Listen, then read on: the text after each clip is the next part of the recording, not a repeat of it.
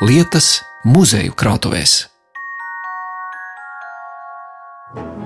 Mūsu galvaspilsētas svētki ir aizvadīti, bet dažādu laiku liecības par Rīgas pagātni, protams, var skatīt Rīgas vēstures un kuģniecības muzejā. Šoreiz ielūkosimies muzeja kolekcijās un uzzināsim, kā ielikt kuģi pudelē, kādas balvas saņēma Tatjanas balvas dalībnieces 20. gadsimta 30. gadu Rīgā, kādu vērtību muzejam nodeva operdziedātāja Žermēna Heine Vāgnere un kā skan tramvaja galops, kas komponēts par godu Rīgas zirgu tramvaja līnijas atklāšanai. Viens no tradicionālākajiem ar jūrniecību saistītajiem suvenīriem ir kuģis pudelē. Ziņas par vecākajiem pudelē ievietotajiem kuģiem nāk no 18. gadsimta beigām.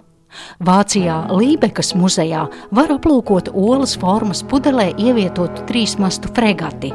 Savukārt šī raidījuma ieraksta laikā no Rīgas vēstures un kuģniecības muzeja krātuves ekspozīcijas zālē plašākam apmeklētāju lokam apskatē tiek izlikti trīs šādi mākslas darbi, ko 19. gadsimta nogalē ir darinājuši latviešu jūrnieki. Par to stāsta muzeja Latvijas kuģniecības vēstures nodaļas vadītājs vēsturnieks Andris Cekuls. E, man bieži ekskursanti prasa, kā to nelielo kuģīti var dabūt iekšā stikla pudelē. Izrādās, ka šis kuģa modelis ir salokāms. Pie mastiem ir mazas eņģītes un mastos nelieli caurumiņi. Tātad pirms ievadīšanas caur pudeles kakliņu šis modelis tiek salocīts kā zīmolītis, klāt tiek pielikts diedziņš, iebīda iekšā ar pirkstu vai pildspalvu, nu, tajā laikā tintas pildspalvu, un tad paraujoties diedziņā, kuģis izplešās. Un te mēs arī redzam. Pēc tam viņš tiek nostiprināts ar kādu ķīmisku vielu, kas arī tiek tur iepludināta tur pudelē, lai viņš, kā saka, negrozītos un ieņemtu šādu vienu noteiktu statisku stāvokli. Es saprotu, kā garumā var salocīt un iebīdīt, bet tur, ja es skatos uz tiem šķērskokiem, masta jā, platumā jā, jā. Un, un uz to pudeles kakliņu, jā, jā. to arī saloka tos sānus. Faktiski viss tiek salocīts. Mums eh, krājumā ir apmēram 12 šādas pudeles. Autori ir latviešu tālbraucēju kapteiņi, kas vienkārši garo jūras pārbraucienu laikā vai atpūtā ir veidojuši šādus modeļus pudelēs. Bet tur, tur vienā pudelē tur ir ne tikai viens kuģis, tur ir trīs kuģi, kas ir piestājuši kādā ostas pilsētā, tur ir vesela ainava. Tur ir Tā, baznīca, jā, šķūņi, jā, jā. koki. Priekšmeta reģistrācijas grāmatā var lasīt 19. gadsimta Holandes ostas un apkārtnes diorāma, kas arī ir salokāma. Pa priekšu ievieto lūk šo baznīcu, kokus, mājas, ko mēs te varam te redzēt, un pēc tam tiek ievietot šie trīs burinieki. Nu, kas tā pa ostu, es nezinu. Es domāju, ka vienkārši autors ir eh, Ernests Streimanis, ka viņš vienkārši ir no kādas fotografijas paņēmis un izveidojis lūk, šādu diorāmu. Tas vispār ir ārkārtīgi smalks, tāds nu, nezinu, inženiertehniskais sniegums. Jā, es skatos jā, un nevaru jā, saprast, jā, nu, kā jā. var. Nu, acīm redzot, tas tiek darīts, ja tu ieliec lupu acī.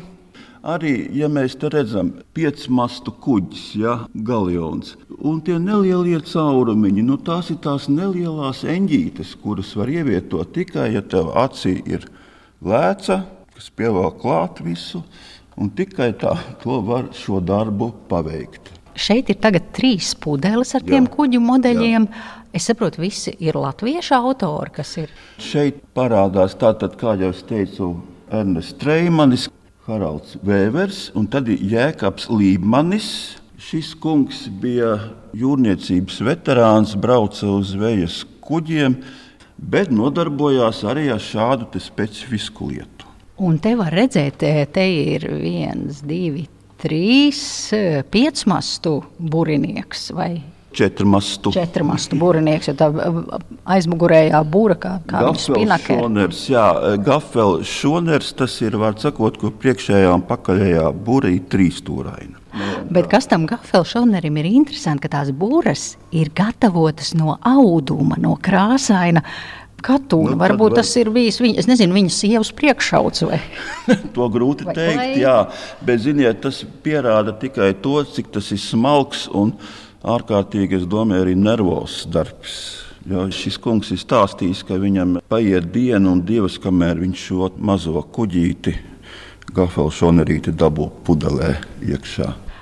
Nu, to pudeļu dibens, kuras ir noliktas guleniski, ir iekrāsots zilas, tā kā imitējot ūdeni. Jā, nu, protams, šeit ir jūras viļņi, vai arī te mēs redzam zilajā nu, pudelē tas skats. Arī te puse ir tā kā burenieki trīs pietauvojušies pie nezināmas Holandas ostas piestātnēm. Tā tas Kā ir. Tā kaut ko tādu, tur tos žagariņus un, un visus tos materiālus. Es domāju, ka mūsdienu cilvēks ir arī ļoti steidzīgs jābūt ļoti stiprai nervu sistēmai, lai šo visu varētu paveikt. Pacietībai. Nu, pacietībai, jā, jā. Mūsdienās cilvēki zīmē mandālus, bet tikpat labi viņi var meditēt, gatavojot šādus kuģus un mēģināt ievietot pudelēs. Jā.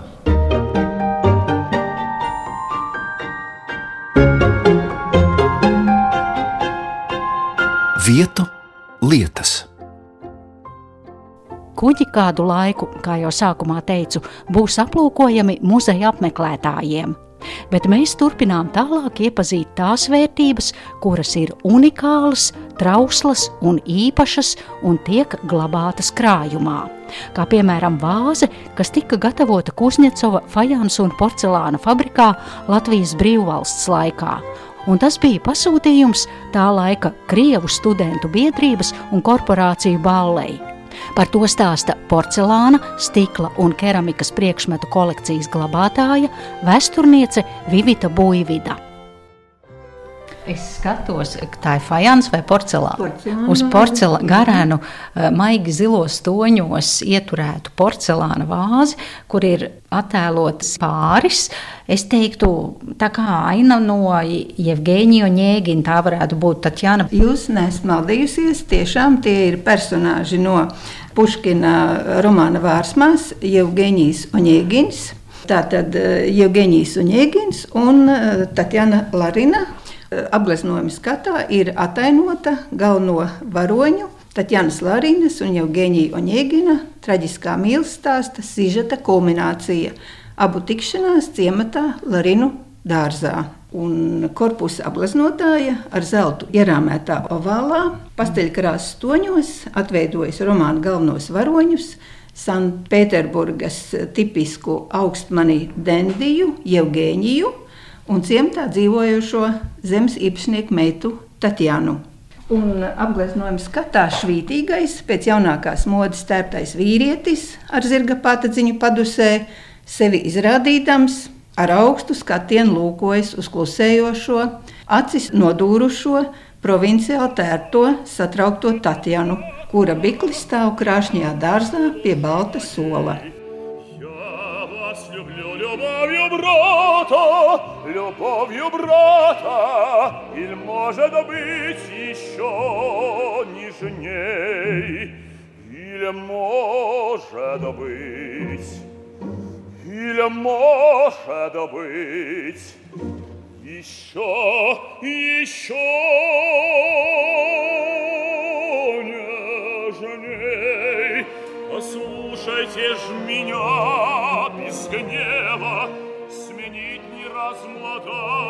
Interesanti tas, ka vāzi 1937. gadā akcijas sabiedrība Kuzņecovs, porcelāna fajans un māla izstrādājuma fabrika ir dāvinājusi Tatjanas ballēju. Un par to liecina uzraksts Krievijas valodā uz vāzes pamatnes apakšas, tulkoju Tatjanas Ballei no akciju sabiedrības Kuzņecovs Rīga 1937. gads.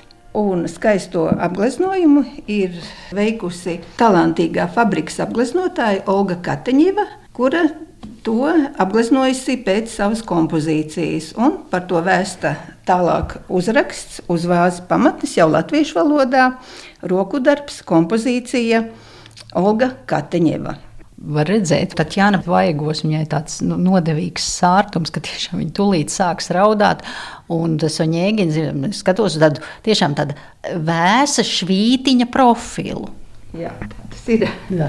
Jā, ļoti. Mm. Es domāju, ka ļoti lieliski veikts apgleznojums un atklāja tiešām šo personāžu raksturus un to laiku, tā laika stilistiku un tērpus. Un man liekas, ka ļoti veiksmīgs darbs Olgai Neimanai Kateņevai.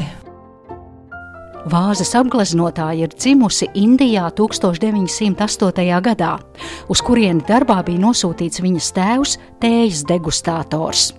Olga Neimane Katiņeva sākotnēji strādāja par aktrisi Krievu drāmas teātrī, un tad 1934. gadā, lai arī viņai nebija mākslinieces diploma, sāka darbu kā trauku apgleznotāja Kuzņecovu fabrikā.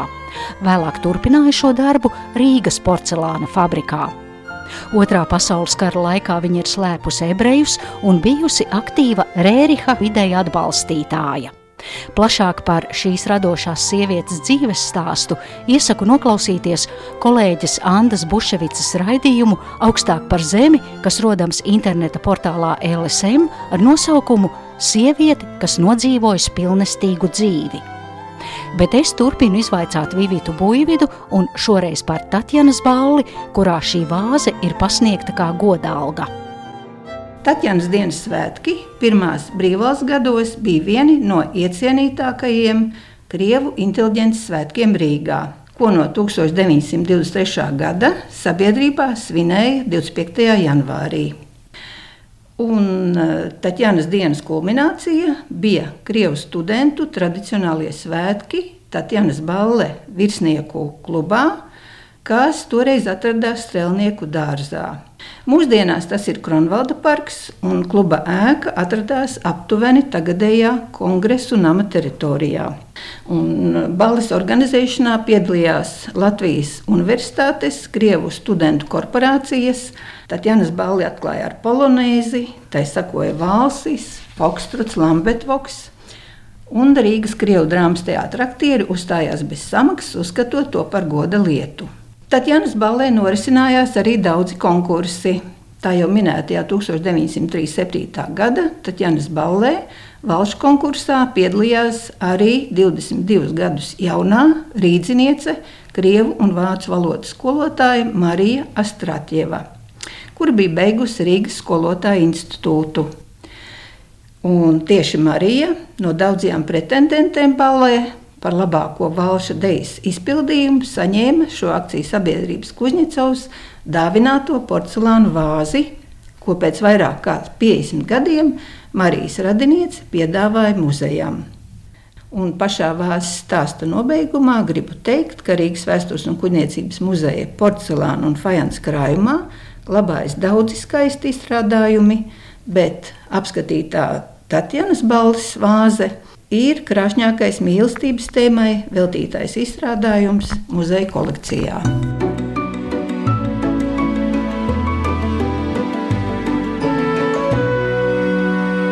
Vietu lietas.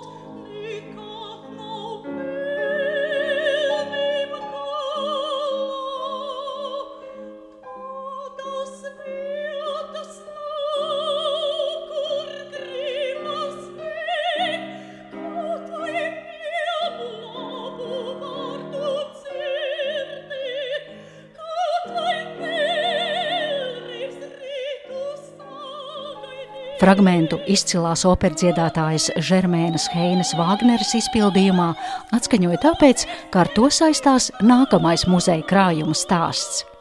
Esmu ievesta seifa telpā, kur glabājas numismātikas un dārgmetālu krājums. Numismātikas un dārgmetāla nodaļas vadītāja, vēsturniece Inita Dzelme, noliek uz galda grezniem rotājumiem gravētu sudraba muciņu, kurai uz statīva piekariem ir piestiprināti nelieli 12 sudraba kausiņi. Viens priekšmets, trīs stāsti. Pirmais saistībā ar operdziedātāju. Žermēna Heina Vāgneri dāvināja viņu muzejam īsi pirms savas aiziešanas mūžībā. Jo viņa vēlējās, lai stāsti par viņas vīra ģimeni paliktu muzejā. Nu, tie stāsti, kas saistās ar vīra ģimeni, taisni, jo visu laiku jau ir runa tikai par viņu pašu. Tas ir otrs stāsts par to, kam viņš ir dāvināts. Viņš ir dāvināts Žermēnas Heinas Vāgneres vīra vecam tēvam. Un trešais stāsts ir par to, kas viņu ir darinājis. Un tā ir tāda ļoti izcila firma. Tepat Gleznotā ielā 12.14. viņa atradās. Firma izveidoja tāds norvēģu meistars Ēriks Bakstads, kas ieradās no Berlīnas 19. gadsimta 80. gadu beigās. Pēc tam viņu pārņēma Hermans Banks, Pēc tam vēl mainījās īpašnieki, bet tās firmas nosaukums ir Hermans Banks. Tā arī viņa ir palikusi. Muci ir nu, tā rēķina litru tilpumā. Tur ir tāds, tas viss ir no sudraba. Ja, jā, jā, jā, jā, tas ir sudraba. Šī muci ir darināta firmā Hermans Banks un paplāte ir darināta Maskavā. Tā ir laikam dāvināšanas vajadzībām piemeklēta veikalā. Uz mucas ir gravēti. Es redzu dubultu V un N. Nikolaja Vāgnera iniciāļi. Viņi ir visur gan uz paplātes. NV kronis un apakšā 1907. gads. Jā, un tādi paši gravējumi ir arī uz mucas. Bet pats priekšmets, kā degvīna muciņa, mēs teiktu degvīna muciņa, jo mēs šīs krūzītes saucam par degvīnu krūzītēm. Bet tā saudabība ir tā, ka paceļot šo vāciņu, mēs redzam, ka viņā ir divas tvertnes. Divas tvertnes, jā. Vienā pusē var ieliet viena veida dzērienu, un otrā pusē otra veida dzērienu. Un ar šiem krāniem vienā pusē tātad pagriežot. Vienā pusē ir viens, un otrā pusē ir Otrs dzēriens. Ir otrs dzēriens. Ja jāvelk analoģijas ar mūsdienu pasauli, tad arī lielveikalā var atrast eh, vīnu, kas ir iepakots kastē, kur arī ir viena, viena Jā. puse baltvīns, otrs sarkanvīns. Un šeit litru muciņā, bet nu te nama tēvam vai apkalpotājam ir jāielē tur tas dzēriens pašam. Bet vai ir zināms, kādā saistībā, ko tas 1907. gads nozīmē tam Nikolajam Vāgneram? Es neatradu. Es neatradu, bet tas ir bijis kāds ļoti liels notikums viņa dzīvē, jo tas dāvinājums ir ļoti liels.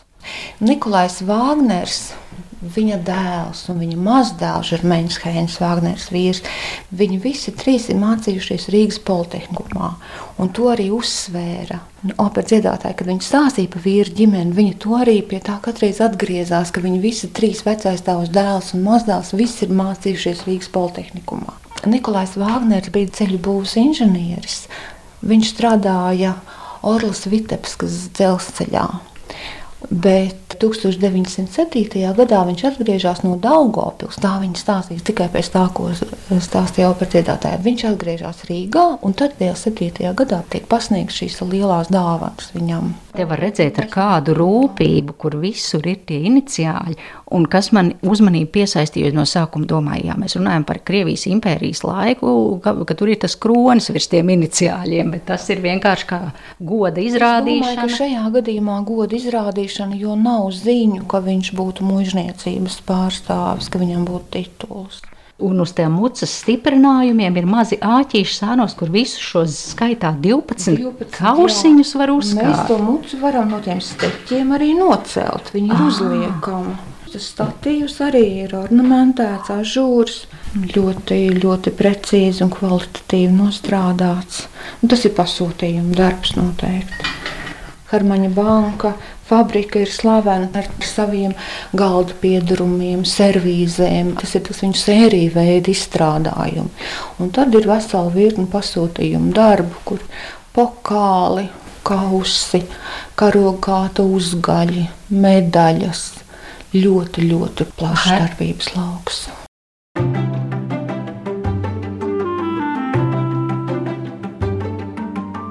Vietu lietas. Nākamā muzeja vērtība glabājas kartogrāfijas dokumentu, iespiedu darbu un periodikas kolekcijā, kur krājuma glabātāja, vēsturniece Antija Erdmane Hermane rāda necilu apbrūnējušu lapu, kura ir datēta pirms 140 gadiem 23. augustā, nozīmīgā datumā galvaspilsētas sabiedriskā transporta vēsturē. Prātuvei mums gan ir dārgi ādā iesieti folianti, gan pergamenti ar zīmogiem vaskā, bet šoreiz es gribu parādīt varbūt necilu rigāru tramvaju ainām liste eh, ar traipiem pilnu lapu. Lapa vai arī, var teikt, brošēts tāds bloks ir mazliet lielāks par A4, bet viņa nozīmīgums pat nav aprakstāms, un vēl jau vairāk, jo šogad, kad zirgu tramvajam svinam 140 gadus, mēs par to stāstam pirmo reizi. Un šī ir pirmdiena, 23. augusts, kad zirgu tramvaja ielās izbrauca un jau uzsāka savu darbu. 1882. gadā, kā te ir rakstīts ar roku. Jā, jā, interesanti, ka bija 13 vagoni izbrauca ielās, bet numur 13 vagona nebija, kā mēs redzam. Tātad ir vagons numur 14. Tātad ir parādītas divas līnijas, bet patiesībā bija trīs līnijas. Pirmā kur mēs rakstām Aleksandra strāse un teātra būvāru, te ir ietvertas divas līnijas gāja zirgu tramvajam, un Maskavas strāse tā arī ir viena līnija. Kā redzat, te ir parādīts vagona numurs, konduktora numurs. Jā, tātad katrs konduktors strādā ar savu numuru. Un ieņēmums. Un ieņēmums arī nav vienkāršs. Te var redzēt, ka ieņēmums ir rubļi kapeikas, un žetoni. Un žetoni ir vai nu 5 kapeikas vai 3 kapeikas. Es vēl par tiem ieņēmumiem. Interesanti paskatīties. Pirmais brauciens, pirmā diena, 1882. gada 23. augustā. Un tramvaja numur 10 konduktors ir tajā dienā iekasējis 19 rubļus un 75 kapeikas. Jā. Bet to, ka rīdziniekiem tas bija liels notikums un viņi tiešām devās uz to ne tik daudz kā darīšanās, bet kā jau izklaides. Tiešām mēs redzam, ka jau pēc nedēļas svētdienā Ah, te jūs šķirat lapas, jā, un tur jau šķiram, un 38 redzam, rubļi un 86 kapeikas. Jā, kopā par trim līnijām jau ieņēma 482 rubļus un 43 kapeikas. Lai klausītājiem būtu skaidrs, tad par divām kapeikām varēja tajā laikā nopirkt tādu labu desas luņķi. Bet droši vien daudz rīznieki tolaik kāri pēc desas upurēja jaunajai izklaidei braucienam ar zirgu tramvaju. To, ka tas bija ievērojams notikums, liecina tā laika presē atspoguļotais. Avīzēs bija aprakstīts, cik un kādi rātes kungi un būvkomisijas pārstāvi sasēdās četros vagonos, izbrauc pa divām līnijām, un pēcāk šīs satiksmes līdzekļu izveidotājs, šveicis inženieris un vēlāk arī diplomāts Eižens Luīs Dipons Romas viesnīcā rīkoja krāšņas svinības par godu šim notikumam. Zirgu tramvaja atklāšanas svētkus kuplināja arī tam speciāli komponēts skaņdarbs. Tanī laikā Rīgā dzīvo un strādā komponists Adolfs Hence. Varbūt viņa devums nav tālāk īpaši mums zināms, bet viņš dažādiem notikumiem par godu raksta mūzikas skaņdarbu. Un arī šim notikumam par godu viņam ir domājams, mans viedoklis, ka viņam bija pasūtīts klavīra darbs Rigaira Ferde Eisenbahn. Tas ir galops. Tātad Rīgas zirgu dzelzceļš. dzelzceļš. Rīgā ir Ferde Eisenbahn. Jā. jā, un apakšā ir galops. galops. Tas ir tā kā zirgu dipoņa un tramvaju galops. Jā, iekavās. Es lasu tramvaju galopu. Jā.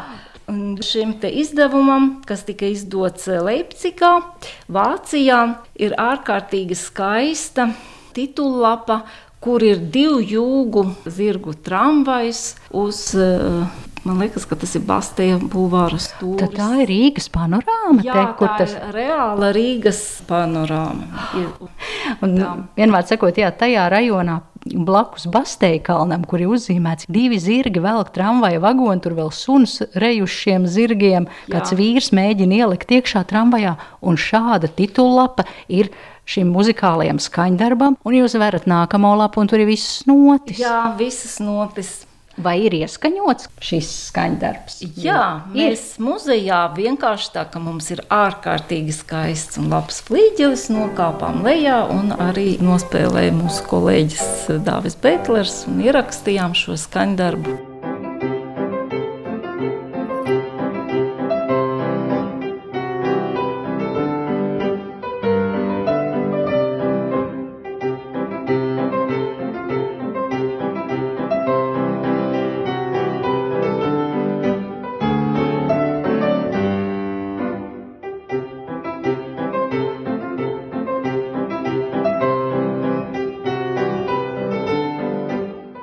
Lai arī Eižens Luis Dipons bija noslēdzis ar Rīgas rāti līgumu par zirgu tramvaju izmantošanu uz 32 gadiem, bet jau 1901. gadā pilsētas ielās parādījās daudz jaudīgāks un modernāks elektriskais tramvajs. Ar šo dāvja Beitlera atskaņoto tramvaja galopu arī izskan šis raidījums, kurā dzirdējāt Rīgas vēstures un kuģniecības muzeja speciālistus Andri Cekulu, Vivitu Buividu, Initu Dzelmi un Antiju Erdmani Hermani. Paldies par raidījuma tapšanu, saku muzeja galvenajai krājuma glabātājai Agitai Ančupānei. Raidījumu veidoja Zane Lāce Baltalksne. Vietu lietas.